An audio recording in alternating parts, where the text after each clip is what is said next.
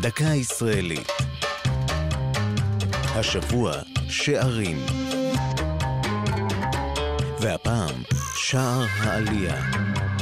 שער העלייה, או שער כפי שהגו את שמו העולים ששוכנו בו, היה מחנה הקליטה הגדול בתולדות המדינה.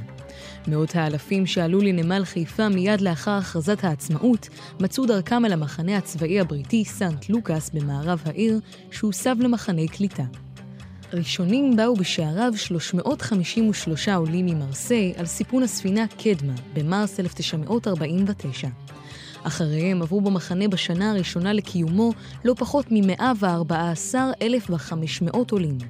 בשטח המחנה התקבצו יוצאי תרבויות שונות, במה שיבשר את סיר הלחץ של החברה הישראלית המתגבשת.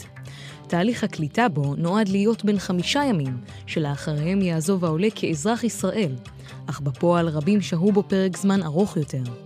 ב-9 באוגוסט 51 פרץ מרד במחנה, לאחר שאלפי עולים מעיראק, ששהו בו יותר מחודשיים, סירבו להתפנות משם למעברות.